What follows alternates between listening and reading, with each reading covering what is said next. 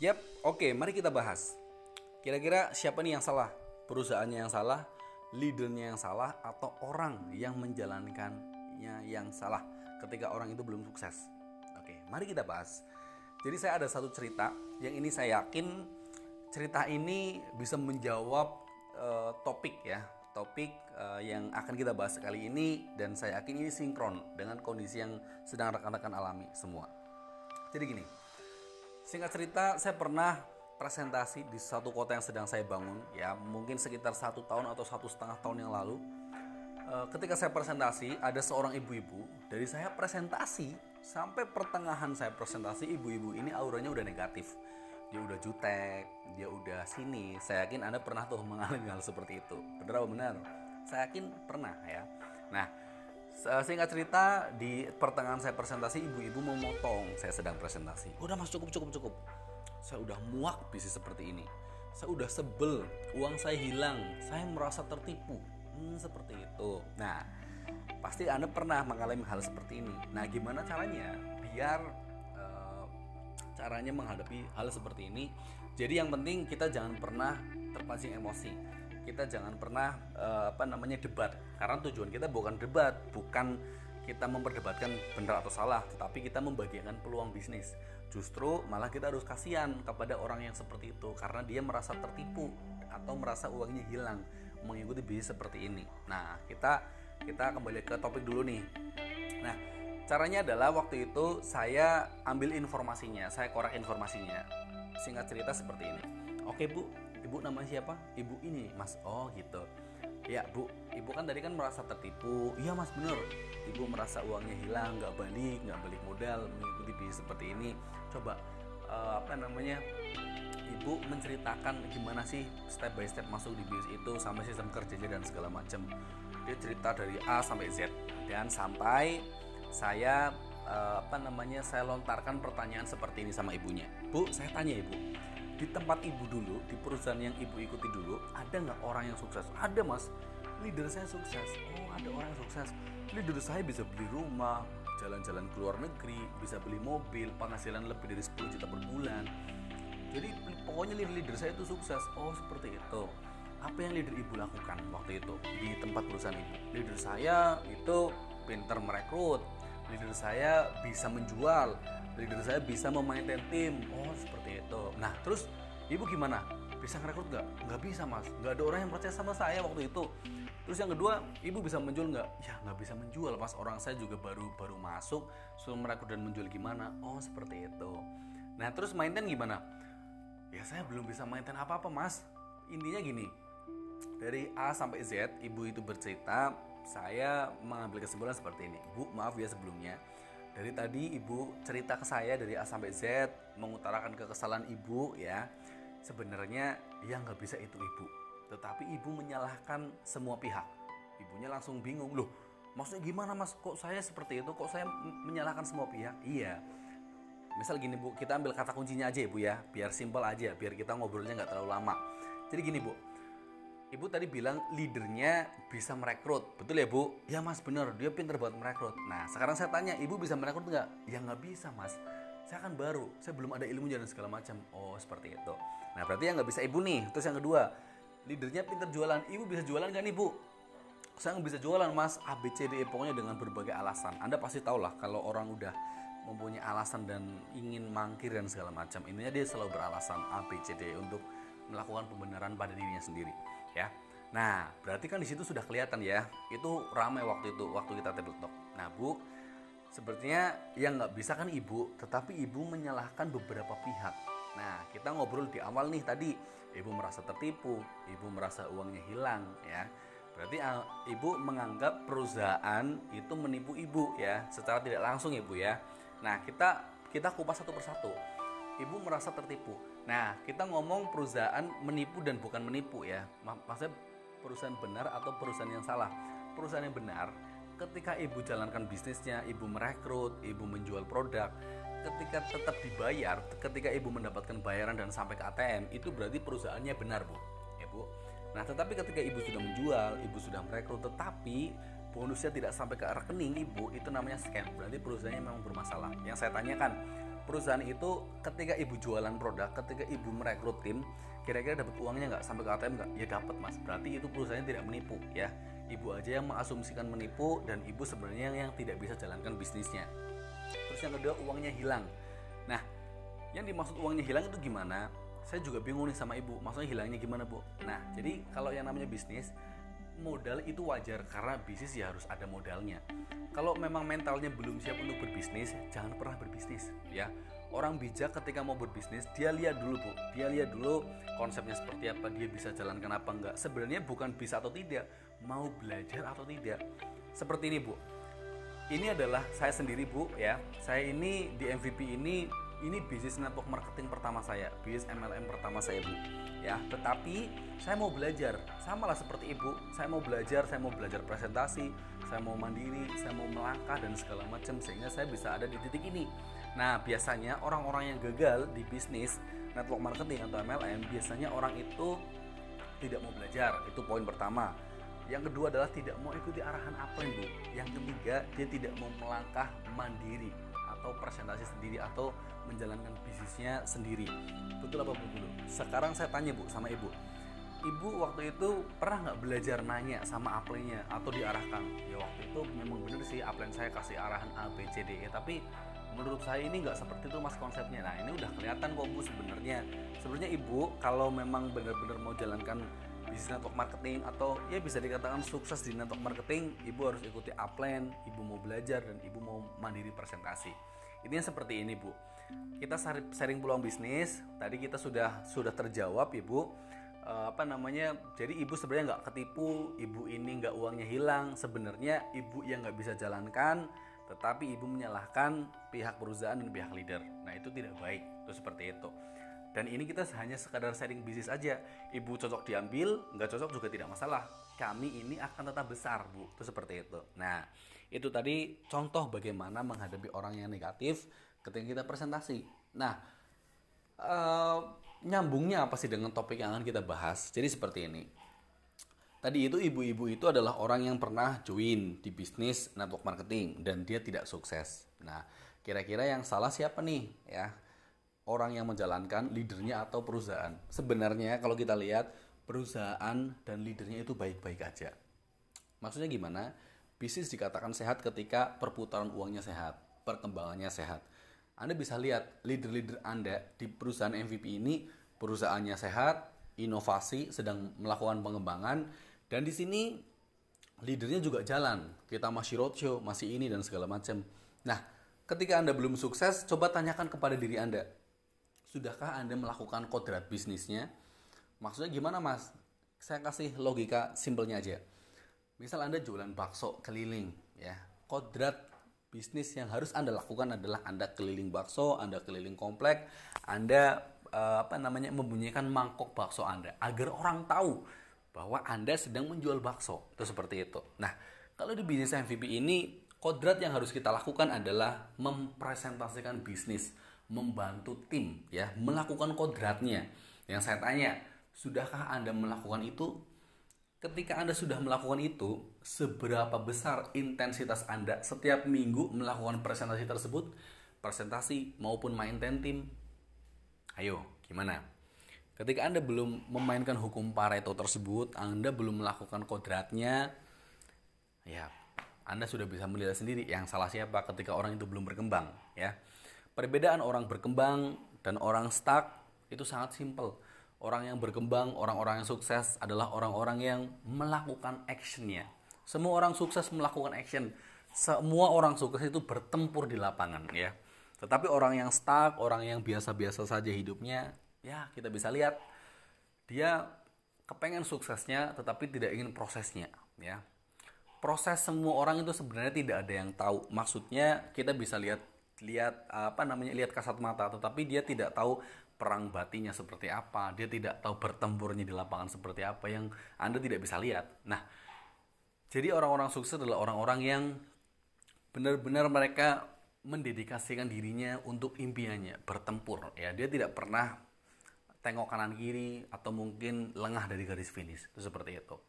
Jangan menjadi orang yang bisa dikatakan orang yang apa ya nggak uh, masuk akal lah banyak orang yang ingin masuk surga, tetapi hanya sedikit orang yang ingin mati. Betul apa betul? Kalau ditanya mau masuk surga nggak? Mau, semua orang mau masuk surga. Ketap, tetapi ketika ditanya mau mati nggak? Pasti semua orang adalah segelintir yang, aduh saya belum siap mati, aduh saya nggak mau mati dan segala macam. Sama seperti di bisnis.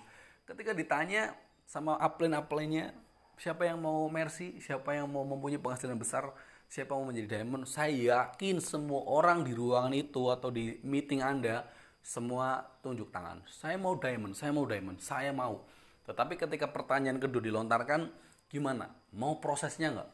Mau presentasinya nggak? Mau berdarah-darahnya juga nggak? Saya yakin dari 100 orang yang hatinya benar-benar siap paling 5 sampai 10 orang. Ya, maksimal 20 orang lah karena Pareto ya. Ya kita harus tahu, kita harus sama-sama tahu bahwa sukses dan perjuangan itu satu paket, ya. Sukses dan perjuangan itu satu paket. Kita nggak bisa, kita nggak bisa cuma ambil suksesnya aja. Kita harus lewati yang namanya tangga perjuangan tersebut. Oke, semoga audio ini bisa membantu rekan-rekan, ya. Dan semangat sukses Bukan bisnisnya yang salah, tetapi tergantung orang yang menjalankannya. Bukan yang salah itu bukan sawahnya, ya. Tetapi siapa petaninya, ya. Sawah tanah yang sangat baik ketika digarap oleh petani yang tidak tahu apa-apa, tidak tahu ilmu ya, dia akan jadi ilalang. Tetapi tanah yang baik itu ketika digarap oleh petani yang hebat itu akan menjadi panen yang sangat luar biasa sekali. Oke. Okay? Setelah viral, Godemon sehat, sukses, jaya untuk kita semua.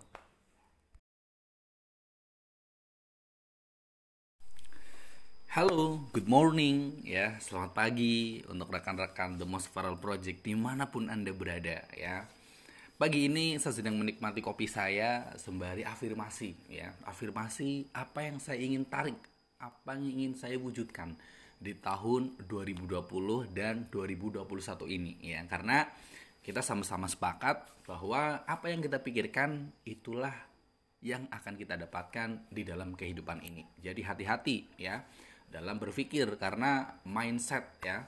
Mindset itu sangat penting dan aset terbesar seorang pebisnis adalah mindset, yaitu adalah pikirannya sendiri ya. Jadi jagalah pikiran kita selalu positif dan selalu uh, menuju fokus kepada impian-impian kita. Oke pada kesempatan hari ini di pagi yang sangat cerah ini ya sembari ini kopinya enak banget ya kebetulan uh, saya ingin sharing tentang kenapa sih kita harus berbisnis ya dan kenapa berbisnisnya harus di MVP juga.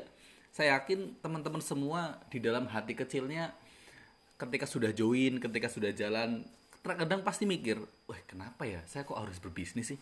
Kok kenapa saya harus jalankan MVP ini? Padahal sebelum di MVP aja saya ini ya hidup bisa hidup bisa hidup pada apa namanya bisa hidup normal pada umumnya. Nah oke okay, mari kita kupas ya. Kita kupas dua poin penting ya. Poin pertama kenapa harus berbisnis? Poin yang kedua kenapa bisnisnya harus di MVP ya? Oke okay. untuk yang pertama seperti ini. Dulu ya sebelum saya di MVP ini saya bekerja. Bekerja berbisnis bekerja lagi ya Nah, waktu saya bekerja itu tepatnya di Hotel Santika Purwokerto, saya di situ mikir ya. Setiap pagi saya itu posisi lagi apa namanya memberikan servis breakfast kepada tamu-tamu saya di situ. Yang saya pikirkan cuma kayak gini, mau sampai kapan ya saya seperti ini? Gaji UMR ya, waktu itu ya 1, berapa lah kalau di Purwokerto. Gaji UMR, umur saya masih muda dan saya mikirnya gini, kenapa saya nggak bisa seperti mereka ya? Mereka bisa beli mobil mereka bisa nginep di hotel mereka bisa uh, ajak keluarga mereka untuk liburan di hotel dan segala macam ya. Memanjakan dirinya mereka lah intinya seperti itu. Nah sedangkan ketika saya mau seperti itu ya nggak bisa karena red harga hotelnya aja 500 ribu ya. Atau resto sa, sa, satu kali makan di resto katakanlah 300 sampai 400 ribu. Sedangkan gaji saya satu juta sekian itu pasti udah habis nggak sampai satu bulan nah di, di titik itulah saya langsung memutuskan oke okay, saya harus berbisnis ya seperti mereka karena saya dengar omongan-omongan mereka waktu saya memberikan kopi atau memberikan teh kepada mereka, mereka yang diobrolin bisnis, bisnis dan bisnis. Oke, singkat cerita saya di situ langsung oke saya mau bisnis, saya mau bisnis dan saya mau bisnis.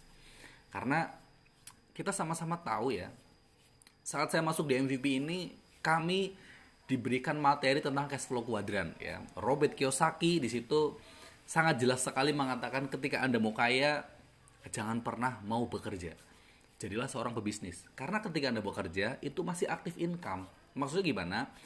Ketika Anda bekerja ya Anda dapat uang, tetapi ketika Anda tidak bekerja, ya Anda tidak mendapatkan uang. Kita tidak mendapatkan uang. Nah, di situ saya langsung berpikir, oh iya juga ya. Dan di situ kita sama-sama tahu nabungnya itu lama sekali kalau seorang pekerja. Kami di sini tidak membicarakan tentang bekerja itu buruk ya. Semua pekerjaan itu baik. Tetapi khususnya di Indonesia, setelah saya telaah, ketika kehidupan kita mau di atas rata-rata ya di situ kita harus menjadi PNS kalau nggak BUMN ya BUMN maksud saya di luar pekerjaan itu masih tanda tanya ya ya mungkin yang satu level lah dengan PNS atau BUMN lah dan kita juga bisa sama-sama tahu masuk PNS BUMN itu sangat sulit sekali di masa sekarang ya jadi banyak orang mengambil jalur alternatif untuk berbisnis ya dan mereka akhirnya ya banyak juga yang sukses tapi juga banyak juga yang tumbang karena mereka tidak paham tentang esensi bisnisnya. Nah, jadi kesimpulannya di situ ketika kita ingin hidup di atas rata-rata, ingin hidup cukup, nah berarti kita harus berbisnis. Jangan pernah mau bekerja.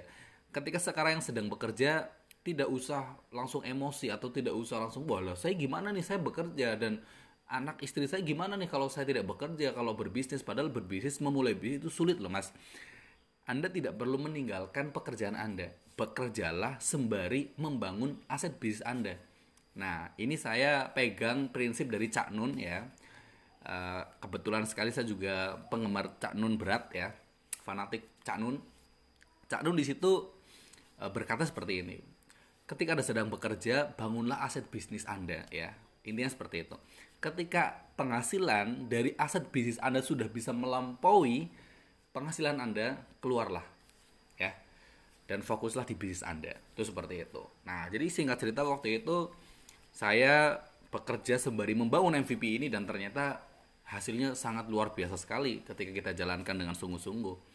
Dan saya memutuskan untuk resign dan saya fokus di bisnis saya, di kerajaan bisnis saya, MVP ini. Itu seperti itu. Dan alhamdulillah sekali satu tahun ini waktu yang sangat singkat sekali ya.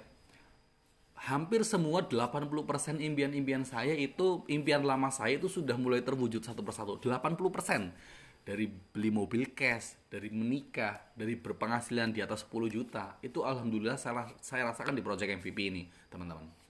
Nah jadi kenapa kita harus berbisnis? Ya itu tadi. Kita intinya gini kesimpulan dan intinya kita sama-sama tahu gaji UMR itu hanya cukup untuk keseharian.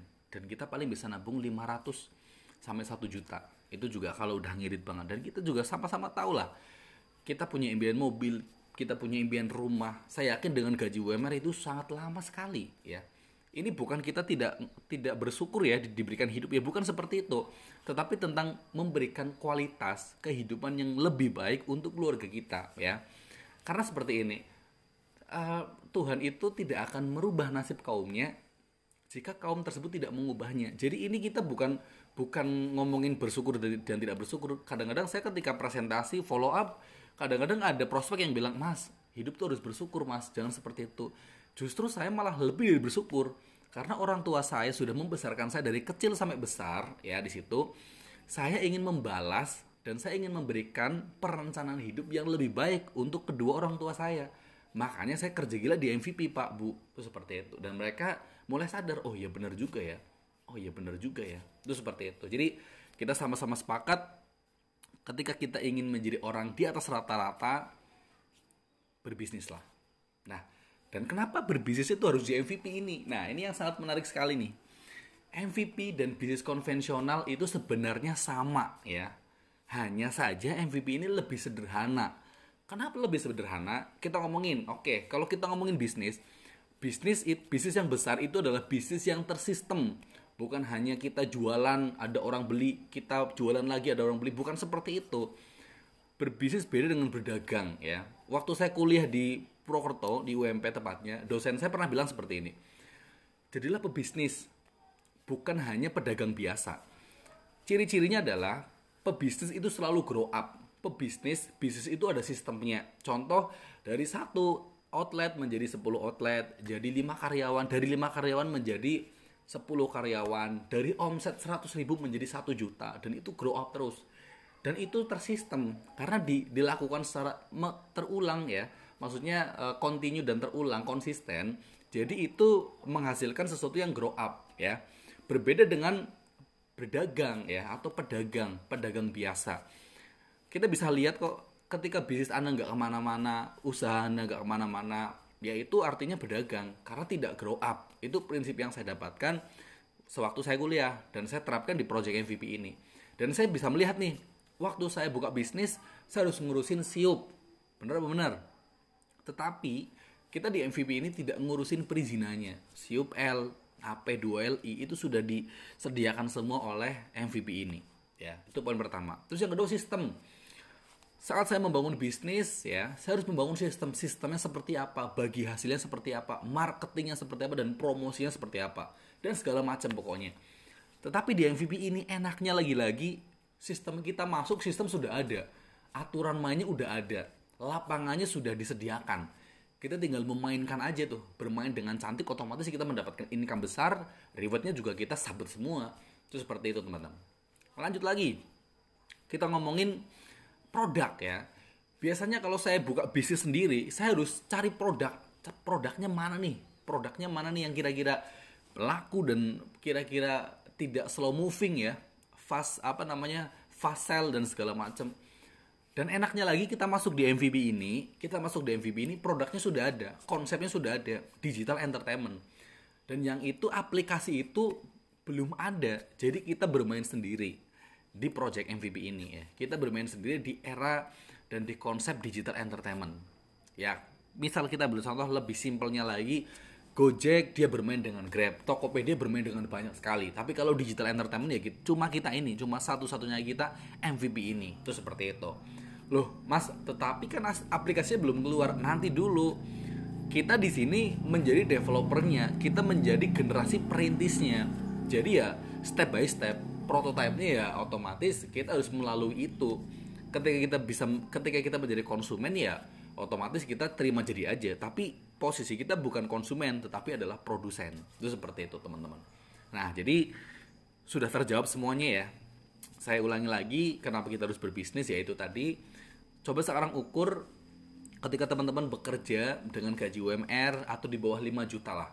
Kira-kira saya yakin untuk membeli impian misal rumah mobil ya liburan bersama keluarga saya yakin itu lama sekali. Ya itu saya yakin ya. Karena saya baca buku dan saya sudah survei ternyata konsepnya memang seperti itu. Lama sekali ketika kita bekerja. Bukan berarti pekerja itu buruk ya bukan seperti itu. Tetapi alangkah lebih baiknya kita berbisnis ya. Pindah kuadran ke kuadran kanan menjadi business owner. Lanjut lagi kenapa di MVP yaitu tadi bisnis ini paling murah ya. Bisnis murah sistem sudah disediakan kita tinggal memainkan dan otomatis kita bisa mendapatkan apa yang kita inginkan di project MVP ini. Asal kita komitmen, ikuti aturan mainnya seperti itu. Oke. Semoga audio ini bisa menginspirasi Anda semua, bisa membuka uh, apa namanya pola pikir Anda.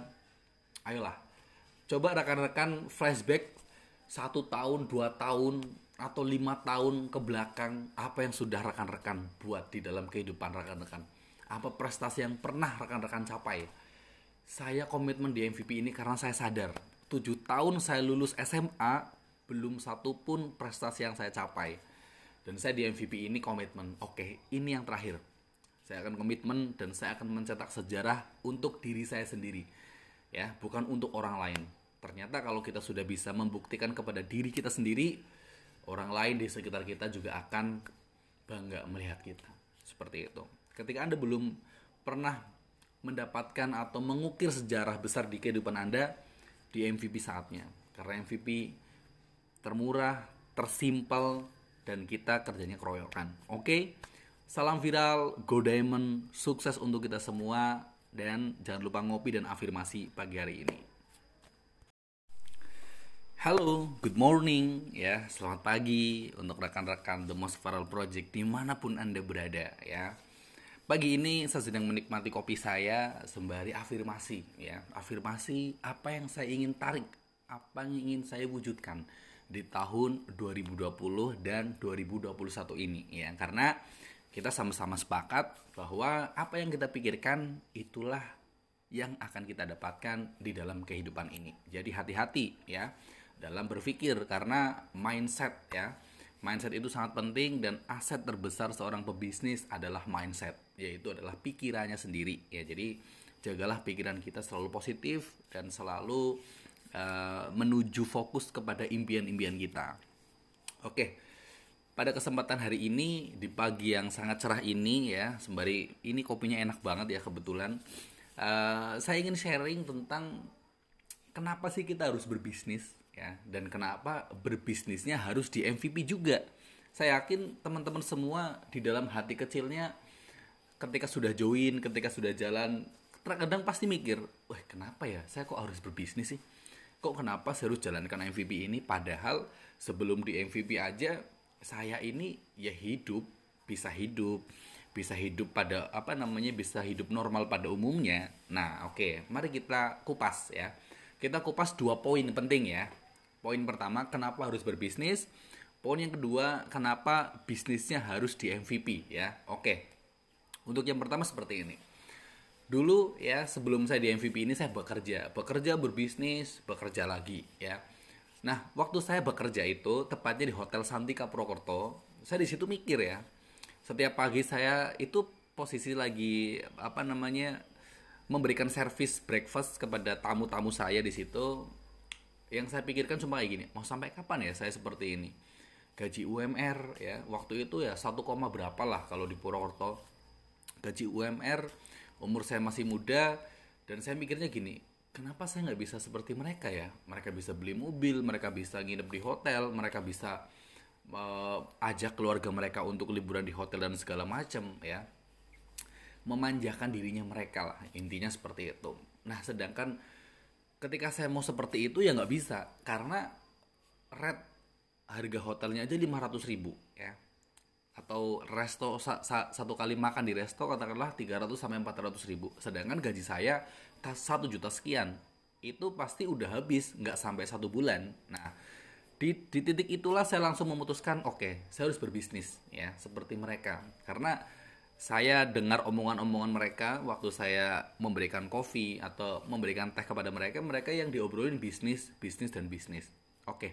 singkat cerita saya di situ langsung oke okay, saya mau bisnis. Saya mau bisnis dan saya mau bisnis.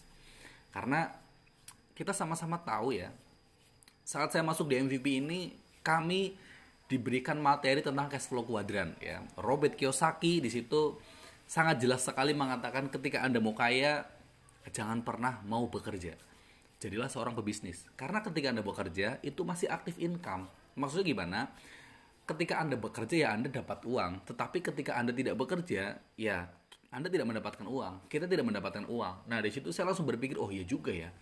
Dan di situ kita sama-sama tahu nabungnya itu lama sekali. Kalau seorang pekerja, kami di sini tidak membicarakan tentang bekerja itu buruk ya. Semua pekerjaan itu baik.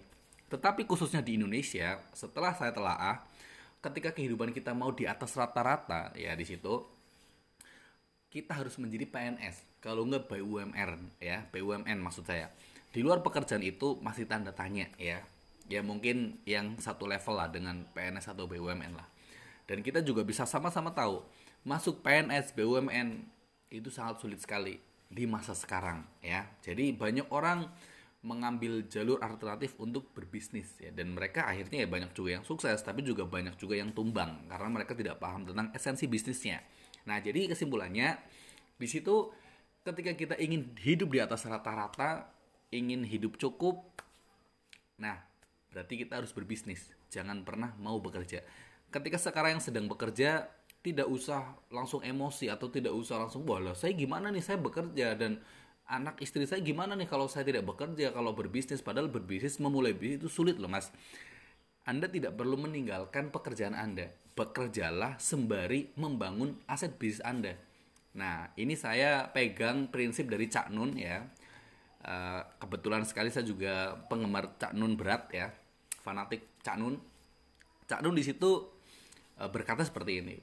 Ketika Anda sedang bekerja, bangunlah aset bisnis Anda ya. Intinya seperti itu. Ketika penghasilan dari aset bisnis Anda sudah bisa melampaui penghasilan Anda keluarlah ya.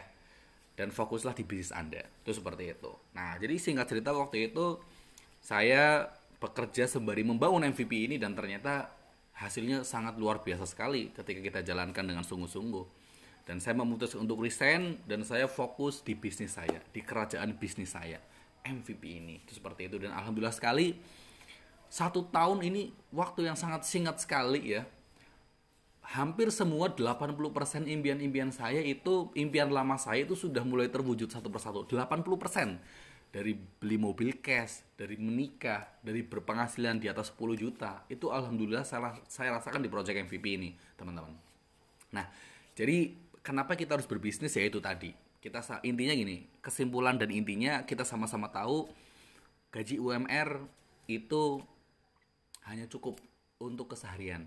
Dan kita paling bisa nabung 500 sampai 1 juta. Itu juga kalau udah ngirit banget. Dan kita juga sama-sama tahu lah kita punya impian mobil kita punya impian rumah. Saya yakin dengan gaji UMR itu sangat lama sekali ya. Ini bukan kita tidak tidak bersyukur ya diberikan hidup ya bukan seperti itu. Tetapi tentang memberikan kualitas kehidupan yang lebih baik untuk keluarga kita ya.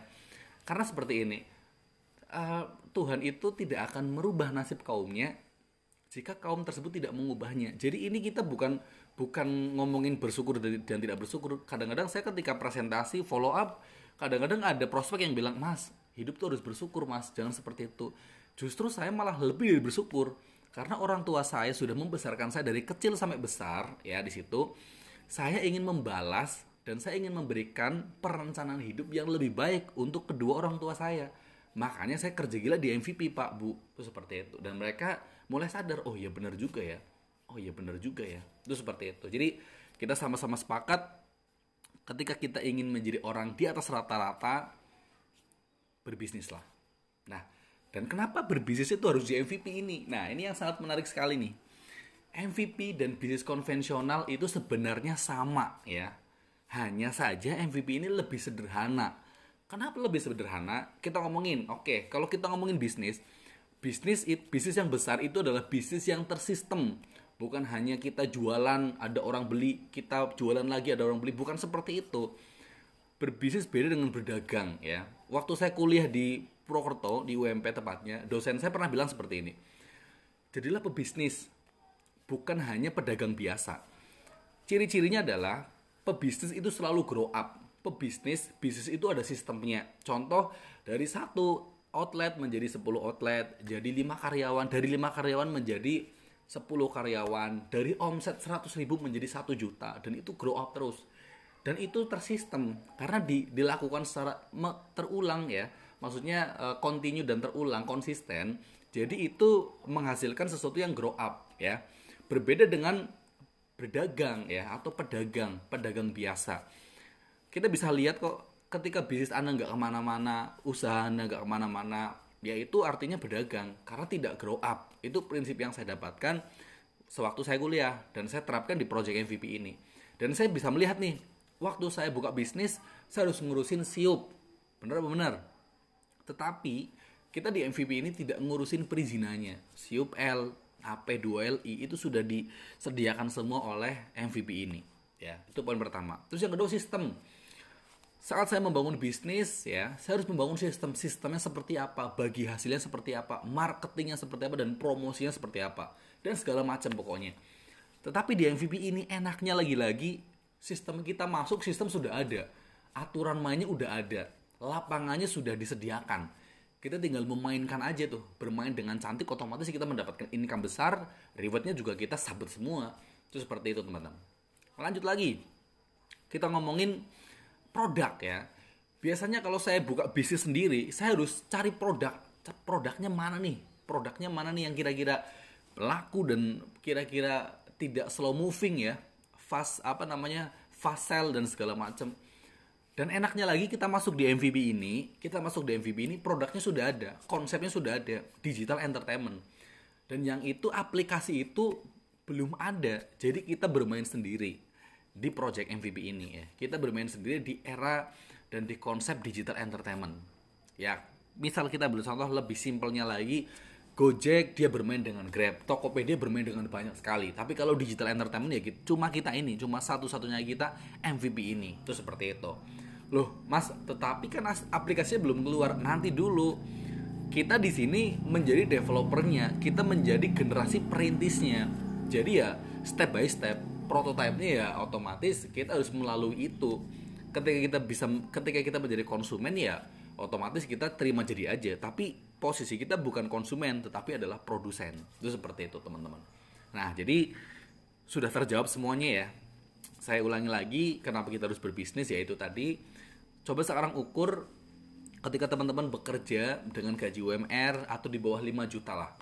Kira-kira saya yakin untuk membeli impian misal rumah, mobil, ya, liburan bersama keluarga, saya yakin itu lama sekali. Ya, itu saya yakin ya. Karena saya baca buku dan saya sudah survei ternyata konsepnya memang seperti itu lama sekali ketika kita bekerja. Bukan berarti pekerja itu buruk ya. Bukan seperti itu. Tetapi alangkah lebih baiknya kita berbisnis ya.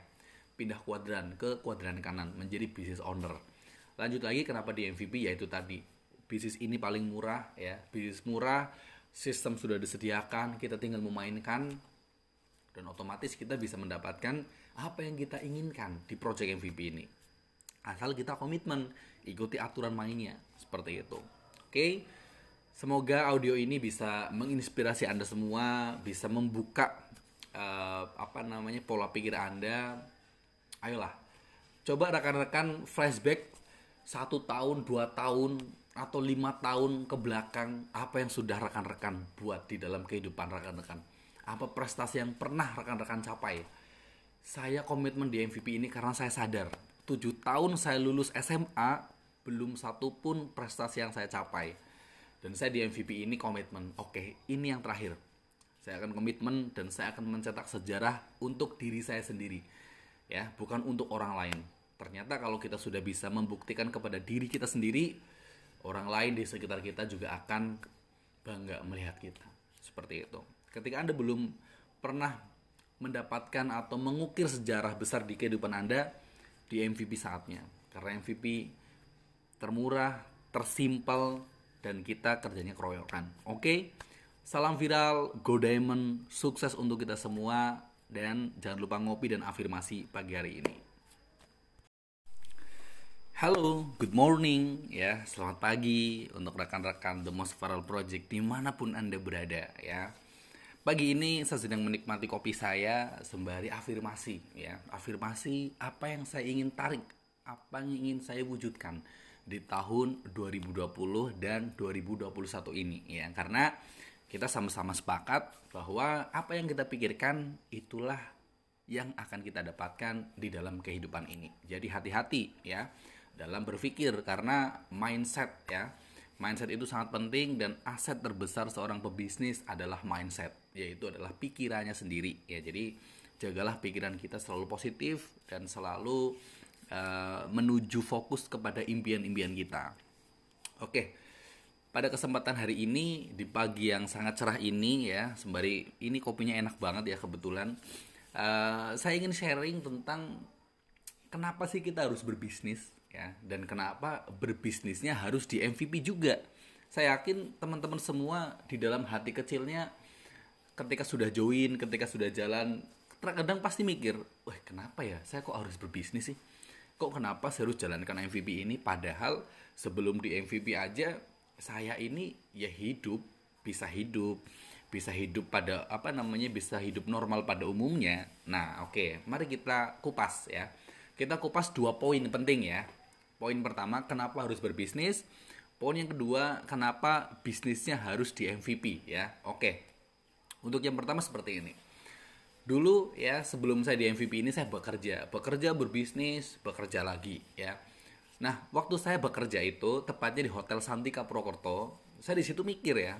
setiap pagi saya itu posisi lagi apa namanya memberikan servis breakfast kepada tamu-tamu saya di situ yang saya pikirkan cuma kayak gini mau sampai kapan ya saya seperti ini?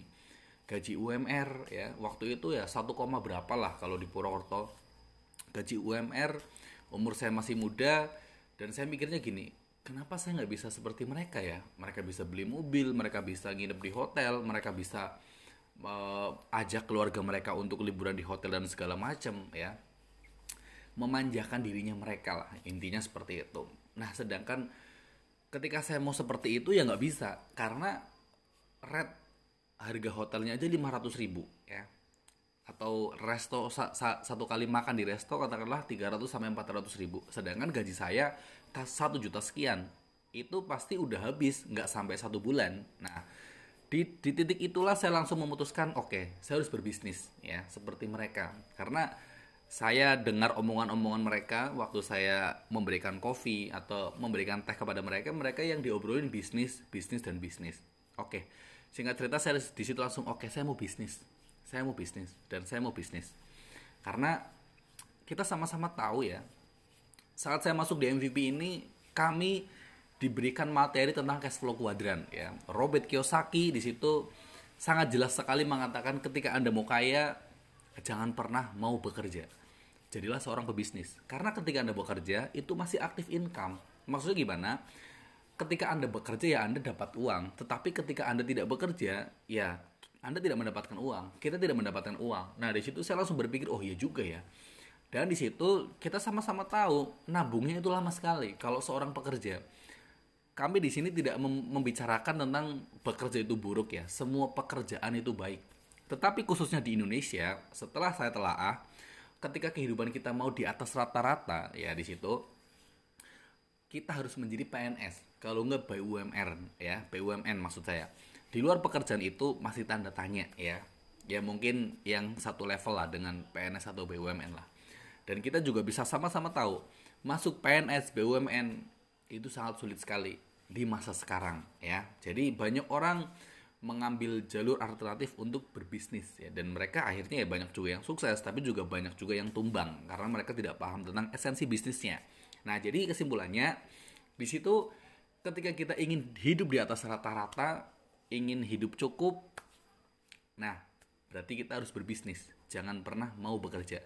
Ketika sekarang yang sedang bekerja, tidak usah langsung emosi atau tidak usah langsung wah saya gimana nih saya bekerja dan anak istri saya gimana nih kalau saya tidak bekerja kalau berbisnis padahal berbisnis memulai bisnis itu sulit loh mas anda tidak perlu meninggalkan pekerjaan Anda bekerjalah sembari membangun aset bisnis Anda Nah, ini saya pegang prinsip dari Cak Nun ya. Uh, kebetulan sekali saya juga penggemar Cak Nun berat ya, fanatik Cak Nun. Cak Nun di situ uh, berkata seperti ini. Ketika Anda sedang bekerja, bangunlah aset bisnis Anda ya. Intinya seperti itu. Ketika penghasilan dari aset bisnis Anda sudah bisa melampaui penghasilan Anda, keluarlah ya.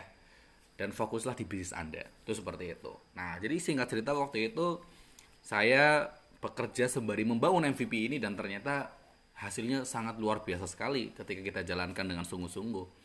Dan saya memutuskan untuk resign dan saya fokus di bisnis saya, di kerajaan bisnis saya, MVP ini. Itu seperti itu dan alhamdulillah sekali satu tahun ini waktu yang sangat singkat sekali ya.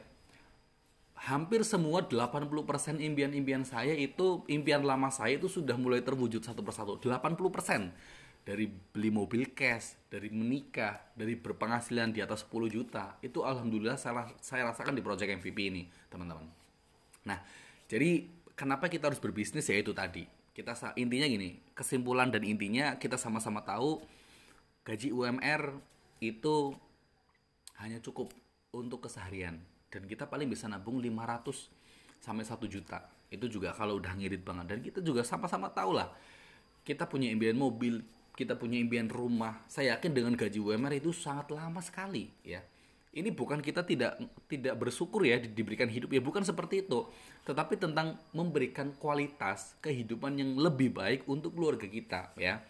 Karena seperti ini, uh, Tuhan itu tidak akan merubah nasib kaumnya jika kaum tersebut tidak mengubahnya. Jadi ini kita bukan bukan ngomongin bersyukur dan dan tidak bersyukur. Kadang-kadang saya ketika presentasi follow up kadang-kadang ada prospek yang bilang mas hidup tuh harus bersyukur mas. Jangan seperti itu. Justru saya malah lebih bersyukur karena orang tua saya sudah membesarkan saya dari kecil sampai besar ya di situ. Saya ingin membalas dan saya ingin memberikan perencanaan hidup yang lebih baik untuk kedua orang tua saya makanya saya kerja gila di MVP pak bu. Itu seperti itu. Dan mereka mulai sadar oh ya benar juga ya. Oh ya benar juga ya. Itu seperti itu. Jadi kita sama-sama sepakat ketika kita ingin menjadi orang di atas rata-rata berbisnis lah nah dan kenapa berbisnis itu harus di MVP ini? Nah ini yang sangat menarik sekali nih. MVP dan bisnis konvensional itu sebenarnya sama ya. Hanya saja MVP ini lebih sederhana Kenapa lebih sederhana? Kita ngomongin, oke, okay, kalau kita ngomongin bisnis, bisnis it, bisnis yang besar itu adalah bisnis yang tersistem. Bukan hanya kita jualan, ada orang beli, kita jualan lagi, ada orang beli, bukan seperti itu. Berbisnis beda dengan berdagang ya. Waktu saya kuliah di Purwokerto, di UMP tepatnya, dosen saya pernah bilang seperti ini. Jadilah pebisnis, bukan hanya pedagang biasa. Ciri-cirinya adalah pebisnis itu selalu grow up pebisnis, bisnis itu ada sistemnya. Contoh dari satu outlet menjadi 10 outlet, jadi lima karyawan, dari lima karyawan menjadi 10 karyawan, dari omset 100 ribu menjadi 1 juta, dan itu grow up terus. Dan itu tersistem, karena di, dilakukan secara me, terulang ya, maksudnya uh, continue dan terulang, konsisten, jadi itu menghasilkan sesuatu yang grow up ya. Berbeda dengan berdagang ya, atau pedagang, pedagang biasa kita bisa lihat kok ketika bisnis anda nggak ke mana-mana usaha anda nggak ke mana-mana ya itu artinya berdagang. Karena tidak grow up. Itu prinsip yang saya dapatkan sewaktu saya kuliah. Dan saya terapkan di project MVP ini. Dan saya bisa melihat nih waktu saya buka bisnis saya harus ngurusin siup. Bener tetapi kita di MVP ini tidak ngurusin perizinannya. Siup L AP2LI itu sudah disediakan semua oleh MVP ini. Ya itu poin pertama. Terus yang kedua sistem saat saya membangun bisnis ya saya harus membangun sistem sistemnya seperti apa bagi hasilnya seperti apa marketingnya seperti apa dan promosinya seperti apa dan segala macam pokoknya. Tetapi di MVP ini enaknya lagi-lagi sistem kita masuk sistem sudah ada. Aturan mainnya udah ada. Lapangannya sudah disediakan. Kita tinggal memainkan aja tuh bermain dengan cantik otomatis kita mendapatkan income besar rewardnya juga kita sabut semua. Itu seperti itu teman-teman. Lanjut lagi. Kita ngomongin produk ya. Biasanya kalau saya buka bisnis sendiri, saya harus cari produk. Produknya mana nih? Produknya mana nih yang kira-kira laku dan kira-kira tidak slow moving ya. Fast apa namanya? Fast sell dan segala macam. Dan enaknya lagi kita masuk di MVP ini, kita masuk di MVP ini produknya sudah ada, konsepnya sudah ada, digital entertainment. Dan yang itu aplikasi itu belum ada. Jadi kita bermain sendiri di project MVP ini ya. Kita bermain sendiri di era dan di konsep digital entertainment. Ya, misal kita ambil contoh lebih simpelnya lagi, Gojek dia bermain dengan Grab, Tokopedia bermain dengan banyak sekali. Tapi kalau digital entertainment ya cuma kita ini, cuma satu-satunya kita MVP ini. Itu seperti itu. Loh, Mas, tetapi kan aplikasinya belum keluar. Nanti dulu. Kita di sini menjadi developernya, kita menjadi generasi perintisnya. Jadi ya step by step prototipenya ya otomatis kita harus melalui itu. Ketika kita bisa ketika kita menjadi konsumen ya otomatis kita terima jadi aja. Tapi posisi kita bukan konsumen tetapi adalah produsen. Itu seperti itu teman-teman. Nah jadi sudah terjawab semuanya ya. Saya ulangi lagi kenapa kita harus berbisnis? Yaitu tadi coba sekarang ukur ketika teman-teman bekerja dengan gaji UMR atau di bawah 5 juta lah. Kira-kira saya yakin untuk membeli impian misal rumah, mobil, ya, liburan bersama keluarga, saya yakin itu lama sekali. Ya, itu saya yakin ya, karena saya baca buku dan saya sudah survei ternyata konsepnya memang seperti itu lama sekali ketika kita bekerja. Bukan berarti pekerja itu buruk ya. Bukan seperti itu. Tetapi alangkah lebih baiknya kita berbisnis ya. Pindah kuadran ke kuadran kanan menjadi business owner. Lanjut lagi kenapa di MVP yaitu tadi bisnis ini paling murah ya. Bisnis murah sistem sudah disediakan kita tinggal memainkan dan otomatis kita bisa mendapatkan apa yang kita inginkan di project MVP ini. Asal kita komitmen ikuti aturan mainnya seperti itu. Oke?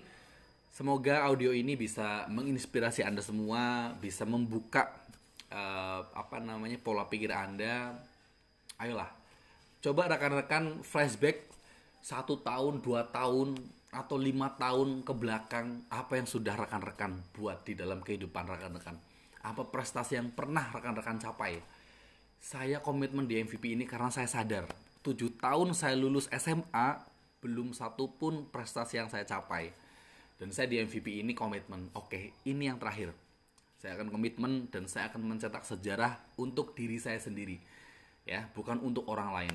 Ternyata kalau kita sudah bisa membuktikan kepada diri kita sendiri, orang lain di sekitar kita juga akan bangga melihat kita.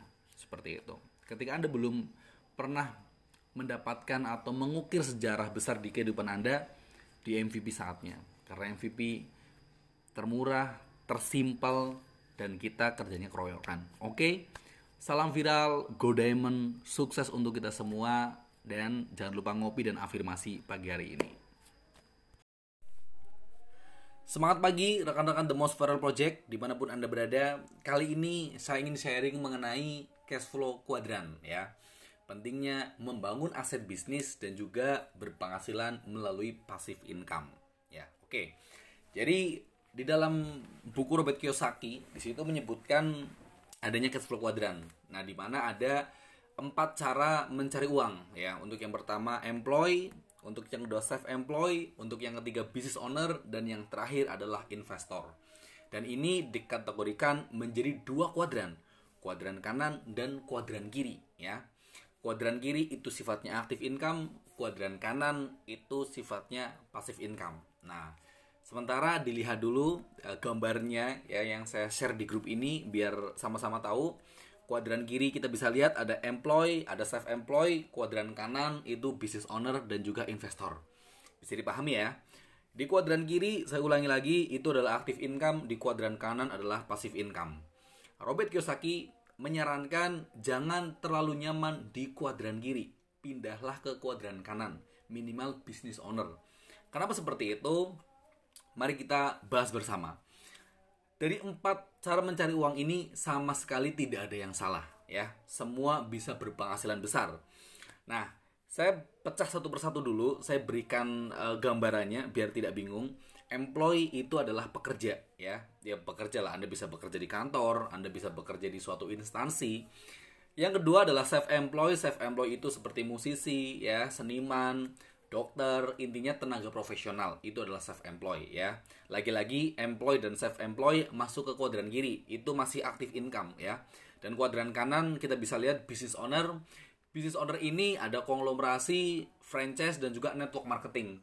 Dan yang terakhir ada investor. Nah, kabar baiknya di kuadran kanan ini ya, pahami uh, gambarnya juga di kuadran kanan ini adalah passive income.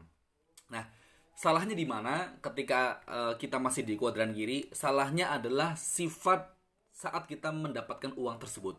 Sifatnya tidak uh, semen, apa namanya? Sifatnya sementara maksudnya. Aktif income itu sifatnya sementara. Maksudnya gimana nih sifatnya sementara? Kita di aktif income itu dibatasi oleh umur dan kesehatan, ya. Coba sekarang Anda tanya kepada diri Anda ketika Anda masih menjadi seorang pekerja atau menjadi seorang profesional. Saya tanya, Mau sampai kapan Anda bekerja? Ketika Anda umur 50-60 tahun, kira-kira Anda masih tetap bekerja nggak? Saya yakin tidak bekerja. Maupun Anda bekerja, tidak ada perusahaan yang mau mempekerjakan orang sudah berumur. Itu poinnya. Sehingga ketika Anda tidak bekerja, lalu penghasilan Anda, penghasilan keluarga Anda itu dari mana? Otomatis selesai, otomatis tidak ada penghasilan. Istilahnya berhenti kesimpulannya. Lanjut lagi kesehatan kita semua orang tidak mau sakit ya, tidak mau mengalami gangguan kesehatan. Tetapi faktanya di lapangan banyak orang mengalami gangguan kesehatan. Kalau kita udah sakit, kira-kira kita dibayar nggak oleh perusahaan kita? Ya, dan kalau sakitnya terlalu lama, apakah kita masih dipertahankan oleh suatu perusahaan? Tentu saja tidak, karena perusahaan tersebut mendapatkan kerugian ketika masih e, mempekerjakan kita, karena kita tidak produktif. Dan kesimpulannya sama, penghasilannya berhenti Nah, jadi Robert Kiyosaki menyarankan pindah pindahlah ke kuadran kanan ya. Nah, kita ambil contoh kenapa kuadran kanan? Karena kuadran kanan ini adalah passive income ya. Nah, jadi posisi sekarang ketika Anda masih di kuadran kiri, belajarlah membangun aset bisnis, ya. Saya kerucutkan lagi biar tidak melebar ke mana-mana karena business owner ini ini sangat banyak sekali uh, penjabarannya ya, biar simple dan teman-teman tidak tidak mu, tidak mumet maksudnya. Di kuadran kanan ini kita kerucutkan MVP ya. MVP ini kita membangun aset bisnis. Nah, aset bisnis ini pasif income ini enaknya seperti ini. Ketika kita sudah tua, amit-amit kita lagi sakit, itu kita masih bisa mendapatkan penghasilan dari pasif income kita. Itu tujuannya, teman-teman. Bayangkan Anda menjadi seorang diamond, Anda sudah selesai, Anda pensiun dini, ya, keturunan Anda juga mendapatkan penghasilan dari diamond Anda uh, di project MVP ini. Jadi kesimpulannya ya, ini project yang sangat bagus sekali untuk jangka panjang. Nah, kesalahan orang tidak memikirkan jangka panjang. Saya banyak menjumpai orang yang aduh mas yang penting bisa makan bulan depan yang penting bisa makan dua bulan atau tiga bulan ke depan ya tidak memikirkan jangka panjangnya satu tahun ke depan gimana dua tahun ke depan gimana tiga tahun ke depan apa yang mau kita buat di dalam kehidupan kita pencapaian apa yang mau kita raih banyak orang tidak memikirkan hal seperti itu. Tetapi di MVP ini kami mengajak anda semua untuk membangun aset bisnis dan ketika anda sudah menjadi seorang diamond atau tim anda sudah terbentuk mau nggak mau anda mendapatkan pasif income. Anda bangun tidur mendapatkan income ya. Anda sudah tidak bekerja tetap mendapatkan income karena anda sudah menjadi seorang diamond. Ingat pasif income itu diciptakan ya. Tidak ada orang istilahnya tidak membangun malas-malasan tiba-tiba mendapatkan pasif income itu tidak ada semua orang membangun ya dan ini harus bekerja ekstra dan enaknya di MVP ini kerja ekstra itu kita garap bareng-bareng bersama tim. Jadi tidak terasa. Itu seperti itu, ya. Jadi itulah alasan kenapa kita harus membangun aset bisnis, yaitu tadi karena aktif income ingat sifatnya sementara. Anda terbatas di umur dan kesehatan. Dan enaknya di passive income di kuadran kanan, ya mau nggak mau Anda misal misal pun Anda sudah tua, uh, kesehatan misal terganggu ya mau nggak mau ya Anda tetap mendapatkan penghasilan. Istilahnya penghasilan keluarga kita itu aman. Itu seperti itu. Nah, mungkin itu yang ingin saya sampaikan mengenai cash flow kuadran. Semoga rekan-rekan paham dengan apa yang saya sampaikan. Mari bangunlah aset bisnis passive income di mana Anda mendapatkan kebebasan finansial dan kebebasan waktu. Mari bangun passive income tersebut.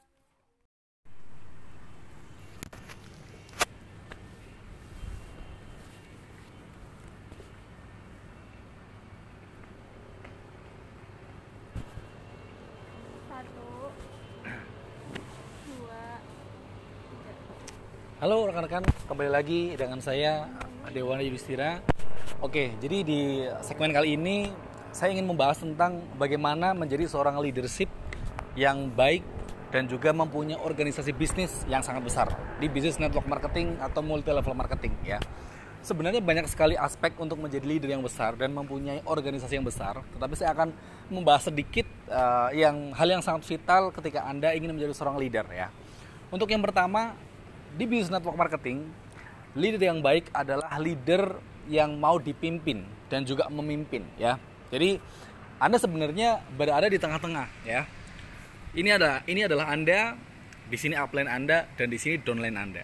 Di bisnis MLM atau network marketing, Anda menjadi seorang e, pengikut dan juga pemimpin. Jadi ketika upline Anda meng, memberikan instruksi atau komando kepada Anda, Anda juga harus mengikuti apa yang dikatakan oleh upline Anda. Dan juga Anda harus memberikan komando juga kepada core person Anda atau kepada downline Anda. Itu seperti itu. Jadi ketika organisasi bisnis Anda sudah menganut sistem 3T ini, teachable tanpa tapi, menjadi pemimpin dan juga e, menjadi pengikut yang baik, organisasi bisnis Anda akan besar. Dan juga yang lebih penting lagi adalah sebagai seorang leader, Anda harus mempunyai roadmap yang jelas kepada downline Anda. Anda harus mempunyai visi misi kepada downline Anda. Contoh misal ya, di dalam bisnis network marketing Anda memberikan roadmap. Ini loh, ketika Anda jalankan bisnis ini dalam waktu satu tahun dengan sistem yang sudah Anda uh, ciptakan atau mungkin roadmap yang Anda uh, ciptakan kepada downline Anda, downline Anda akan mendapatkan contoh mobil atau mendapatkan luxury car atau mendapatkan liburan jalan-jalan ke luar negeri gratis dari perusahaan. Misal seperti itu. Nah, jadi garis besarnya Anda harus menjadi seorang pemimpin yang mau dipimpin. Itu poin pertama. Dan, dan poin yang kedua adalah Anda harus menjadi seseorang yang mempunyai visi misi dan memberikan roadmap kepada tim Anda.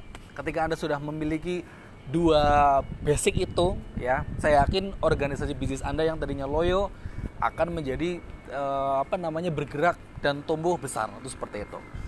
Itu dari saya. Semoga organisasi bisnis Anda cepat berkembang dan semua bisnis Anda bisa bergerak di dalam bisnis network marketing atau multi level marketing. Oke, okay? salam viral, Go Diamond, sukses untuk kita semua. Saya yakin Anda pernah ada di posisi ini, ya. Posisi di mana Anda presentasi teman Anda, Anda ditolak. Anda presentasi relasi Anda, malah relasi Anda menjauh. Sudah menjauh, kontak WhatsApp di blok, ya. Nah, jadi ketika Anda pernah mengalami fase tersebut, Anda wajib dengarkan audio ini. Oke, okay? check it out. Kenapa prospek semakin dikejar semakin lari ya? Kenapa seperti itu? Oke, mari kita bahas ya. Ini topik yang sangat menarik sekali.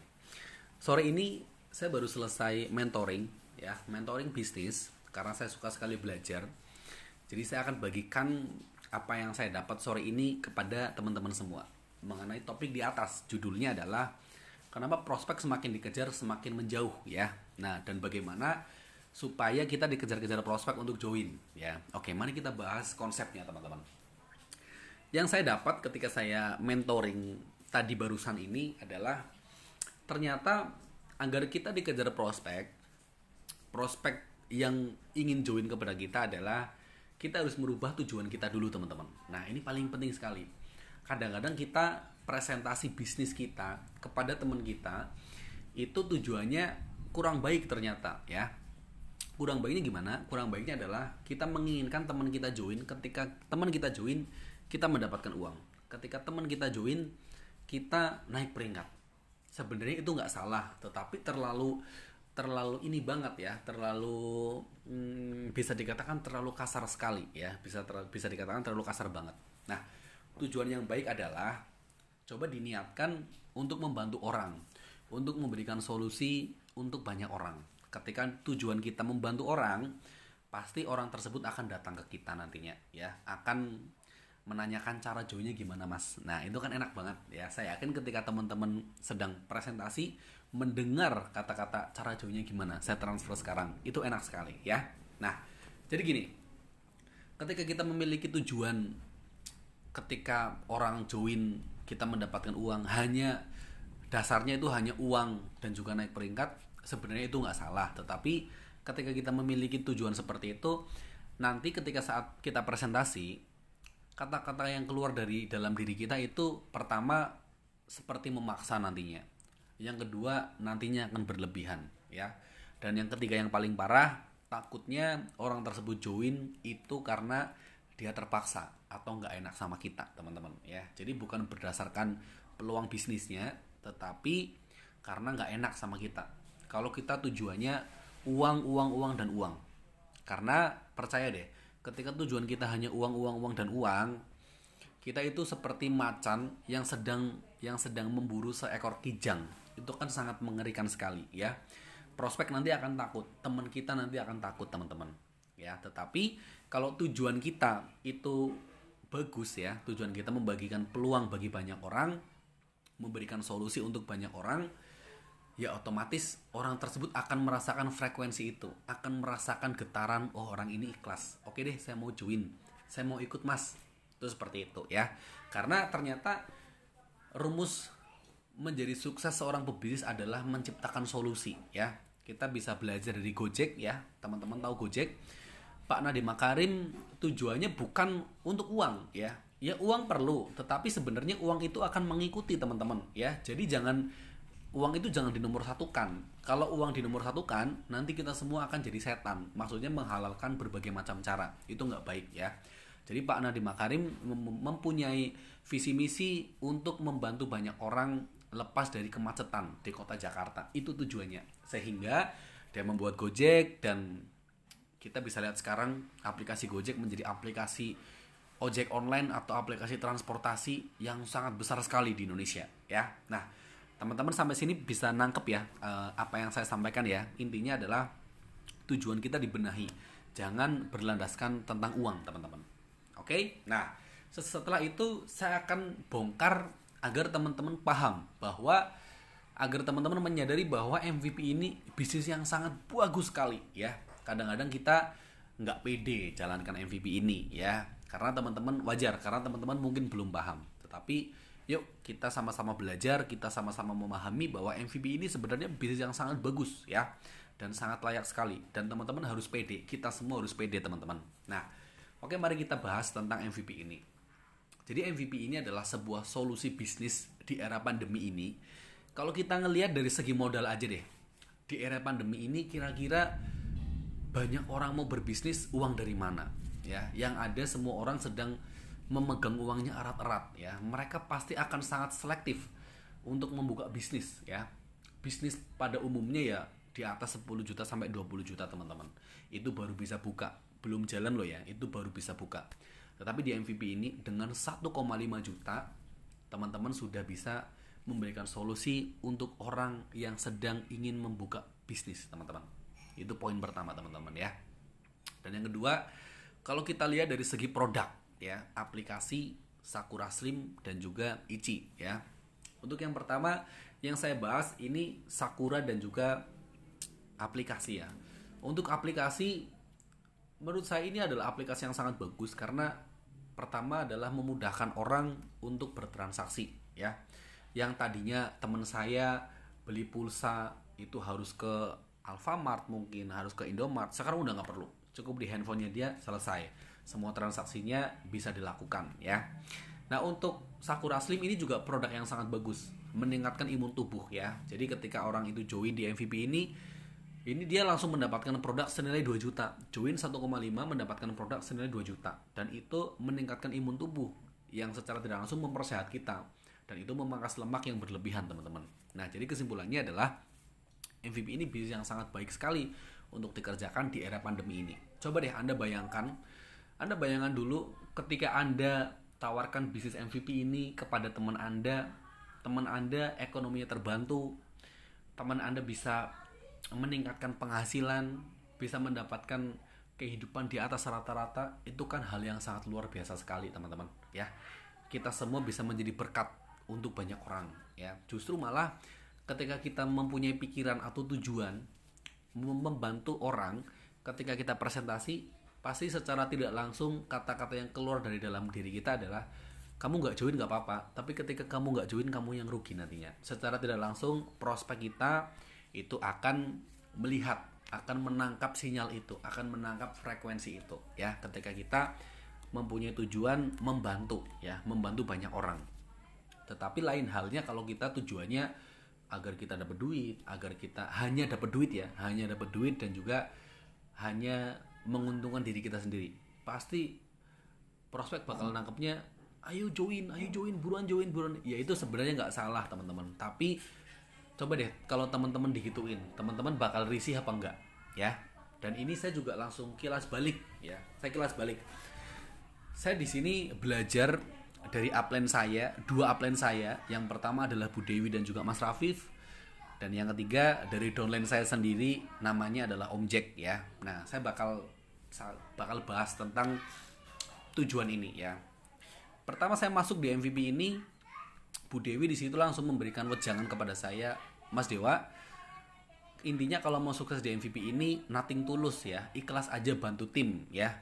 Mau tim itu closing atau enggak, mau orang itu join apa enggak, yang penting kita sudah membagikan peluang ini kepada orang. Atau juga kalau orang itu nggak ambil ya bukan kita yang salah berarti orang itu yang rugi. Itu seperti itu. Toh juga kan kita ter, tetap terus jalan itu seperti itu.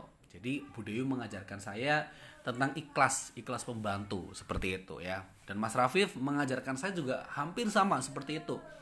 Yang penting tujuan kita baik ya. Itu paling penting Mas tujuannya apa nih? Kalau kamu tujuannya untuk cari uang orang kalau anda tujuannya untuk merugikan orang ya orang nggak bakal nggak bakal datang sama kamu nggak bakal percaya sama kamu. Tapi kalau kamu tujuannya baik membantu banyak orang mendapatkan kehidupan yang lebih baik saya yakin orang akan menangkap tujuan kamu itu ya akan menangkap niat kamu itu. Dan itu benar-benar dilakukan oleh Mas Rafif Mas Rafif mengenalkan bisnis ini kepada saya dan Mas Rafif benar-benar memaintain saya sehingga apa yang Mas Rafif dapatkan saya juga dapatkan teman-teman. Seperti itu. Dan yang paling spesial saya juga melihat itu di Om Jack ya. Ketika saya lagi ke kota Magelang ketika saya sharing sama Om Jack ketika presentasi sama Om Jack ketika Om Jack misal prospeknya ditolak atau apa Om Jack selalu bilang kalau bagi saya saya nyaman di bisnis ini Mas Dewa. Karena apa Mas Dewa karena bagi saya bisnis ini adalah bisnis silaturahmi ya. Uh, saya bisa menolong banyak orang dan bonusnya ya saya bisa bersilaturahmi. Yang tadinya nggak pernah ngobrol sekarang jadi ngobrol. Yang tadinya nggak kenal sekarang jadi kenal. Dan saya suka sekali mas konsep seperti itu mas. Nah sehingga Om Jack jalankan bisnis ini ya itu legowo-legowo saja enak-enak saja ya. Karena tujuannya membantu orang ya. Lain halnya ya lain halnya kalau tujuannya dibalik tujuannya hanya uang uang uang uang dan uang ketika tidak mendapatkan uang ya itu akan berhenti pasti. Itu seperti itu. Sebenarnya bisnis itu memang bisnis itu kita mencari uang. Tetapi ternyata ketika saya sharing ketika saya mengikuti mentoring mentoring orang besar ternyata bisnis itu tidak hanya melulu tentang uang teman-teman ya. Tetapi tentang menolong orang. Menolong bagaimana ada orang terbantu dengan apa yang kita lakukan. Contoh, penjual beras menolong orang yang kelaparan ya. Kalau tidak ada orang yang jualan beras, beras kita mau makan apa coba? Itu seperti itu. Bengkel menolong orang untuk memperbaiki motornya ya. Jadi bengkel akan ramai ketika pelayanannya baik. Tapi bengkel akan sepi ketika pelayanannya tidak baik. Jangan dipikirin uang uang uang belum waktunya ganti si bengkel ngomong ini harus ganti nih karena yang dipikirkan dia hanya uang uang dan uang. Itu seperti itu teman-teman. Nah sampai sini bisa dipahami ya teman-teman semua ya. Jadi yuk kita rubah tujuan kita untuk membantu banyak orang ya. Ketika kita memiliki tujuan yang baik eh, memiliki tujuan untuk menolong banyak orang dari kita dari tangan kita ada orang yang finansialnya terbantu ada orang yang kehidupannya berubah menjadi lebih baik itu adalah sesuatu hal yang sangat baik. Kita menjadi berkat untuk banyak orang. Seperti itu teman-teman ya. Oke salam viral Go Diamond. Sukses untuk kita semua dan semoga terbantu dari apa yang saya pelajari dan saya bagikan ini. Oke salam viral Go Diamond. Kenapa prospek semakin dikejar semakin lari ya? Kenapa seperti itu? Oke mari kita bahas ya. Ini topik yang sangat menarik sekali sore ini saya baru selesai mentoring ya. Mentoring bisnis karena saya suka sekali belajar. Jadi saya akan bagikan apa yang saya dapat sore ini kepada teman-teman semua. Mengenai topik di atas judulnya adalah kenapa prospek semakin dikejar semakin menjauh? Ya. Nah dan bagaimana supaya kita dikejar-kejar prospek untuk join ya. Oke mari kita bahas konsepnya teman-teman. Yang saya dapat ketika saya mentoring tadi barusan ini adalah ternyata agar kita dikejar prospek prospek yang ingin join kepada kita adalah kita harus merubah tujuan kita dulu teman-teman. Nah ini paling penting sekali. Kadang-kadang kita presentasi bisnis kita kepada teman kita itu tujuannya kurang baik ternyata ya. Kurang baiknya gimana? Kurang baiknya adalah kita menginginkan teman kita join ketika teman kita join kita mendapatkan uang. Ketika teman kita join kita naik peringkat sebenarnya itu nggak salah tetapi terlalu terlalu ini banget ya terlalu hmm, bisa dikatakan terlalu kasar sekali ya bisa ter, bisa dikatakan terlalu kasar banget. Nah tujuan yang baik adalah coba diniatkan untuk membantu orang untuk memberikan solusi untuk banyak orang. Ketika tujuan kita membantu orang pasti orang tersebut akan datang ke kita nantinya ya akan menanyakan cara joinnya gimana mas. Nah itu kan enak banget. Ya saya yakin ketika teman-teman sedang presentasi mendengar kata-kata cara joinnya gimana saya transfer sekarang. Itu enak sekali ya. Nah jadi gini. Ketika kita memiliki tujuan ketika orang join kita mendapatkan uang hanya dasarnya itu hanya uang dan juga naik peringkat sebenarnya itu nggak salah. Tetapi ketika kita memiliki tujuan seperti itu nanti ketika saat kita presentasi kata-kata yang keluar dari dalam diri kita itu pertama seperti memaksa nantinya. Yang kedua nantinya akan berlebihan ya. Dan yang ketiga yang paling parah takutnya orang tersebut join itu karena dia terpaksa atau nggak enak sama kita teman-teman ya jadi bukan berdasarkan peluang bisnisnya tetapi karena nggak enak sama kita kalau kita tujuannya uang uang uang dan uang karena percaya deh ketika tujuan kita hanya uang uang uang dan uang kita itu seperti macan yang sedang yang sedang memburu seekor kijang. Itu kan sangat mengerikan sekali ya. Prospek nanti akan takut teman kita nanti akan takut teman-teman. Ya tetapi kalau tujuan kita itu bagus ya tujuan kita membagikan peluang bagi banyak orang memberikan solusi untuk banyak orang ya otomatis orang tersebut akan merasakan frekuensi itu akan merasakan getaran oh orang ini ikhlas. Oke deh saya mau join. Saya mau ikut mas. Itu seperti itu ya. Karena ternyata rumus menjadi sukses seorang pebisnis adalah menciptakan solusi ya.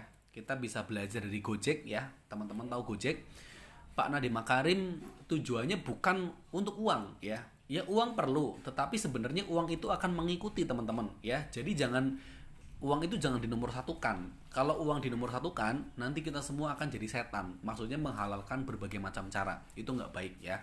Jadi Pak Nadiem Makarim mempunyai visi misi untuk membantu banyak orang lepas dari kemacetan di kota Jakarta. Itu tujuannya. Sehingga dia membuat Gojek dan kita bisa lihat sekarang aplikasi Gojek menjadi aplikasi ojek online atau aplikasi transportasi yang sangat besar sekali di Indonesia ya. Nah, teman-teman sampai sini bisa nangkep ya uh, apa yang saya sampaikan ya. Intinya adalah tujuan kita dibenahi.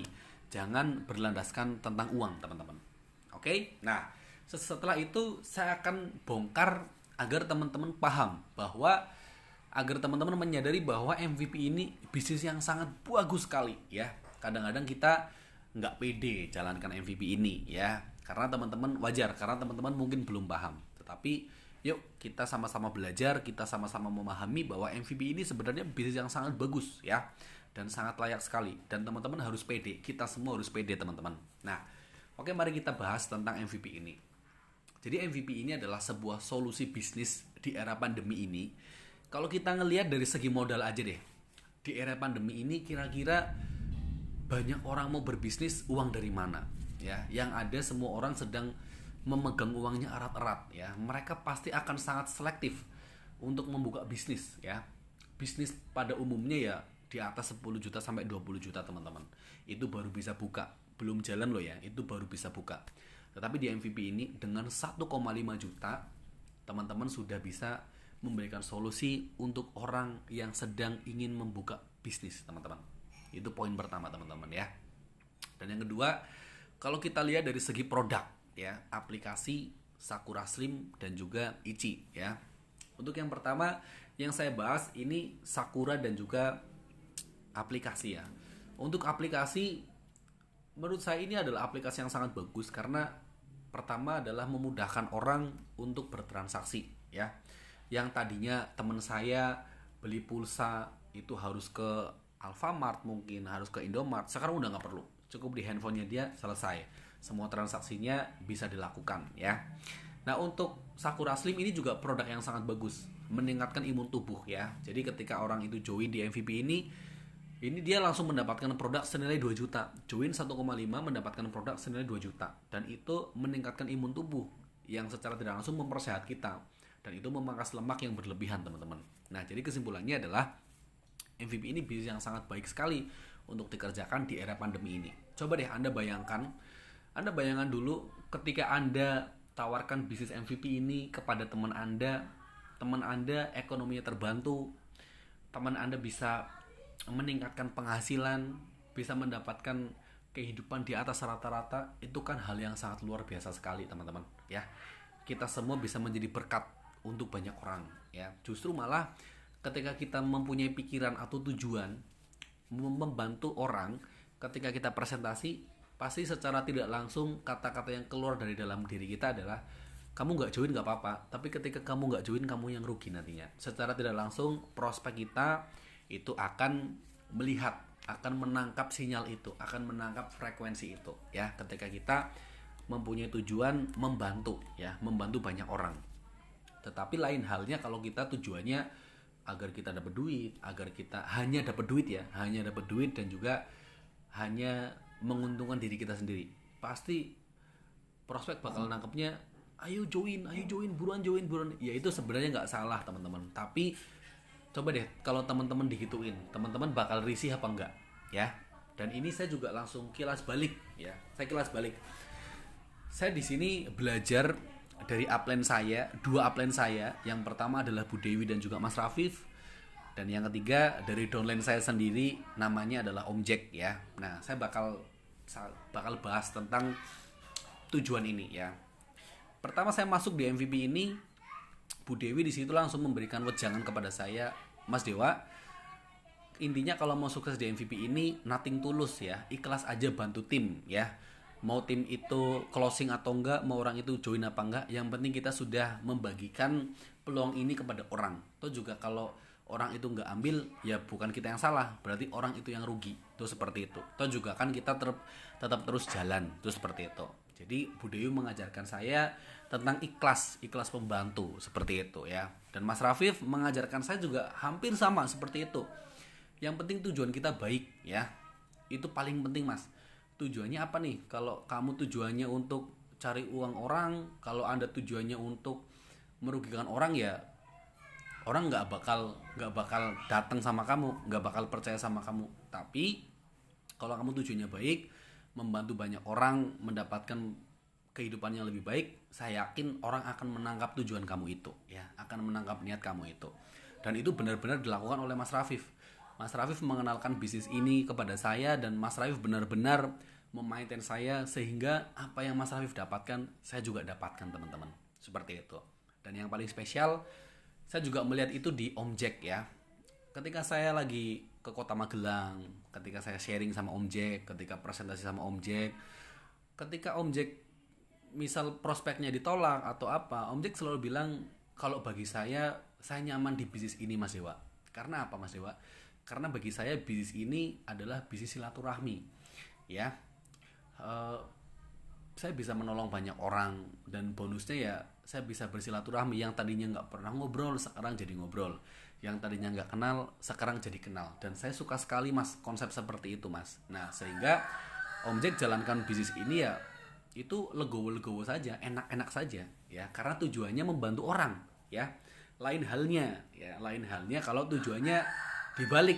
Tujuannya hanya uang uang uang uang dan uang ketika tidak mendapatkan uang ya itu akan berhenti pasti. Itu seperti itu sebenarnya bisnis itu memang bisnis itu kita mencari uang, tetapi ternyata ketika saya sharing, ketika saya mengikuti mentoring-mentoring orang besar, ternyata bisnis itu tidak hanya melulu tentang uang, teman-teman, ya, tetapi tentang menolong orang. Menolong bagaimana ada orang terbantu dengan apa yang kita lakukan. Contoh, penjual beras menolong orang yang kelaparan, ya. Kalau tidak ada orang yang jualan beras, kita mau makan apa coba? Itu seperti itu. Bengkel menolong orang untuk memperbaiki motornya ya. Jadi bengkel akan ramai ketika pelayanannya baik. Tapi bengkel akan sepi ketika pelayanannya tidak baik. Jangan dipikirin uang uang uang. Belum waktunya ganti si bengkel ngomong ini harus ganti nih. Karena yang dipikirkan dia hanya uang uang dan uang. Itu seperti itu teman-teman. Nah sampai sini bisa dipahami ya teman-teman semua ya. Jadi yuk kita rubah tujuan kita untuk membantu banyak orang ya. Ketika kita memiliki tujuan yang baik uh, memiliki tujuan untuk menolong banyak orang dari kita dari tangan kita ada orang yang finansialnya terbantu ada orang yang kehidupannya berubah menjadi lebih baik itu adalah sesuatu hal yang sangat baik. Kita menjadi berkat untuk banyak orang. Seperti itu teman-teman ya. Oke salam viral Go sukses untuk kita semua dan semoga terbantu dari apa yang saya pelajari dan saya bagikan ini oke salam viral Go Diamond Kenapa prospek semakin dikejar, semakin menjauh? Ya, saya yakin Anda pernah mengalami hal seperti ini. Anda memperkenalkan bisnis Anda, Anda ditolak, Anda dijauhi, dan yang paling parah, Anda diblokir nomornya. Nah, ini kan hal yang paling buruk sekali ya. Dan saya yakin Anda pernah mengalami hal seperti itu, teman-teman. Ya, dan pasti Anda menginginkan ketika Anda presentasi, Anda mendengar kata-kata cara jalaninya gimana, Mas? itu cara jauhnya gimana cara transfernya gimana saya yakin anda ketika mendengar kata-kata seperti itu anda langsung refresh anda langsung segar dan Anda langsung tersenyum bahagia ya. Dan mari kita bahas konsepnya agar mendapatkan closingan yang cepat dalam menjalankan bisnis MVP ini teman-teman. Oke, jadi sore hari ini sebenarnya saya baru selesai mentoring bisnis yang membahas tentang sales dan juga marketing ya. Dan ini akan saya bagikan kepada teman-teman semua secara gratis ya. Semoga teman-teman bisa mendapatkan manfaatnya dan teman-teman bisa membagikan audio ini kepada banyak tim Anda. Agar apa? Agar tim Anda bisa terbantu ya dalam bisnis ini agar memiliki mindset yang baik dalam menjalankan bisnis MVP ini. Oke, mari kita bahas bersama. Jadi yang salah ketika kita jalankan MVP ini adalah tujuannya teman-teman. Ya. Di sini saya akan membagi dua ya. Tipe pertama dan tipe kedua. Tipe baik dan tipe buruk ya. Untuk yang pertama yang akan saya bahas adalah tujuan yang buruk. Tujuan yang buruk adalah yang selalu dipikirkan adalah uang uang uang dan uang. Apakah itu salah? Ya tidak. Tetapi bisnis ternyata tidak melulu tentang uang. Contoh ketika tujuan anda itu ada orang closing dan anda mendapatkan uang secara tidak langsung yang ada di dalam pikiran Anda, yang keluar dari dalam diri Anda itu akan terkesan berlebihan dan terkesan apa ya, memaksa nantinya ya. Dan coba deh Anda bayangkan Anda menjadi si prospek ketika Anda di prospek oleh orang yang terlalu ngotot, oleh orang yang, yang pikirannya cuma uang, uang dan uang, pasti Anda akan risih. Mentok-mentok orang itu join itu sebenarnya bukan karena melihat peluang bisnisnya tetapi apa? Tetapi karena nggak enak sama anda. Seperti itu ya. Dan yang kedua yang ingin saya bahas adalah tentang tujuan yang baik. Tujuan yang baik adalah anda memiliki tujuan untuk membagikan peluang bisnis sehingga orang itu bisa mendapatkan solusi atau manfaat dari bisnis yang anda bawa ya. Nah, contoh seperti ini. Eh, kita belajar saya akan kasih gambaran simpelnya biar anda nangkep apa yang saya maksud apa yang saya sampaikan kita belajar dari aplikasi Gojek ya. Aplikasi Gojek yang membuat aplikasi Gojek adalah Pak Nadiem Makarim ya. Nah, jadi visi misi Pak Nadiem Makarim adalah membantu orang lepas dari kemacetan di kota Jakarta. Ya, jadi visi misinya adalah membantu orang untuk lepas dari kemacetan. Ya, jadi bukan uang yang utama. Ya uang memang penting, tetapi uang bukan utama. Yang pertama adalah solusi. Solusi agar orang Jakarta terlepas dari kemacetan. Kita bisa melihat banyak orang terbantu melalui aplikasi Gojek sehingga trafficnya naik dan Gojek bisa menjadi aplikasi besar di Indonesia ya bahkan di Asia dan otomatis secara finansial itu akan terangkat ya di Pak Nadiem Makarimnya dan juga di aplikasi Gojeknya. Nah paham yang maksud uh, yang saya sampaikan teman-teman ya. Jadi yang paling utama adalah tujuannya membagikan solusi teman-teman. Nah jadi ketika kita tujuannya hanya uang-uang dan uang, saya yakin Anda akan kecewa. Anda akan ketika Anda ditolak Anda pasti kecewa. Karena Anda tujuannya uang, pasti Anda akan ngotot. Pasti Anda akan berlebihan sehingga kadang-kadang memberikan janji-janji yang menurut saya itu nggak baik. Yang ujung-ujungnya ya hubungan Anda dengan teman Anda nanti akan renggang ya. Tapi kalau tujuan Anda membagikan solusi, membagikan suatu peluang yang sangat baik, yang sangat bagus, saya yakin orang yang sedang kita prospek menangkap frekuensi itu, menangkap niat baik itu, sehingga mereka nantinya akan merasa ketika saya nggak ambil saya akan rugi.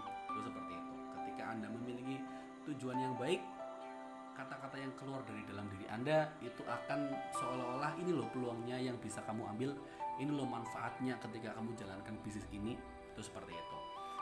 Apakah nanti akan mengurangi antusias? Ya enggak dalam kita presentasi kita harus antusias kita harus semangat. Tetapi tujuan kita tujuan yang baik. Itu seperti itu. Nah ini juga saya pelajari ternyata dari dua mentor saya ya teman-teman. Jadi pertama saya belajar dari Bu Dewi ya. Ketika saya pertama masuk di MVP ini dan saya bisa presentasi mandiri Bu Dewi pernah bilang sama saya Mas kalau mau sukses di MVP ini tujuannya yang penting ikhlas membantu tim ya. Mau orang itu join atau enggak yang penting kita membagikan peluang bisnis. Atau juga ini peluangnya bagus kok itu seperti itu. Dan yang kedua saya belajar dari Mas Rafif yang penting tujuannya mas. Kalau tujuan kita bagus bagus ya pasti orang itu bakal nangkep. Dan itu ternyata memang beneran. Saya masuk di MVP ini dikenalkan oleh Mas Rafif. Ternyata Mas Rafif benar-benar memaintain saya. Sehingga ekonomi saya terbantu apa yang Mas Rafif dapatkan saya juga dapatkan Alhamdulillah di MVP ini teman-teman. Itu seperti itu. Dan ternyata ini diduplikasi oleh salah satu dolen saya. Namanya adalah Om Jack. Om ini bisa dikatakan seperti ninja Hattori ya. Naiki gunung, lewati lembah. Nah, maksudnya gimana nih? Maksudnya Om ini pernah mengalami timnya mati tapi dia tetap jalan terus. Ya, dia orang ini nggak pernah nyerah dan saya sharing sama beliau, sama Om ini. Sebenarnya kenapa sih kok Om ini tetap jalan? Nah, karena saya duplikasi Mas Dewa, duplikasi Mas Rafif, duplikasi Mbak Dewi dan para upline yang lain.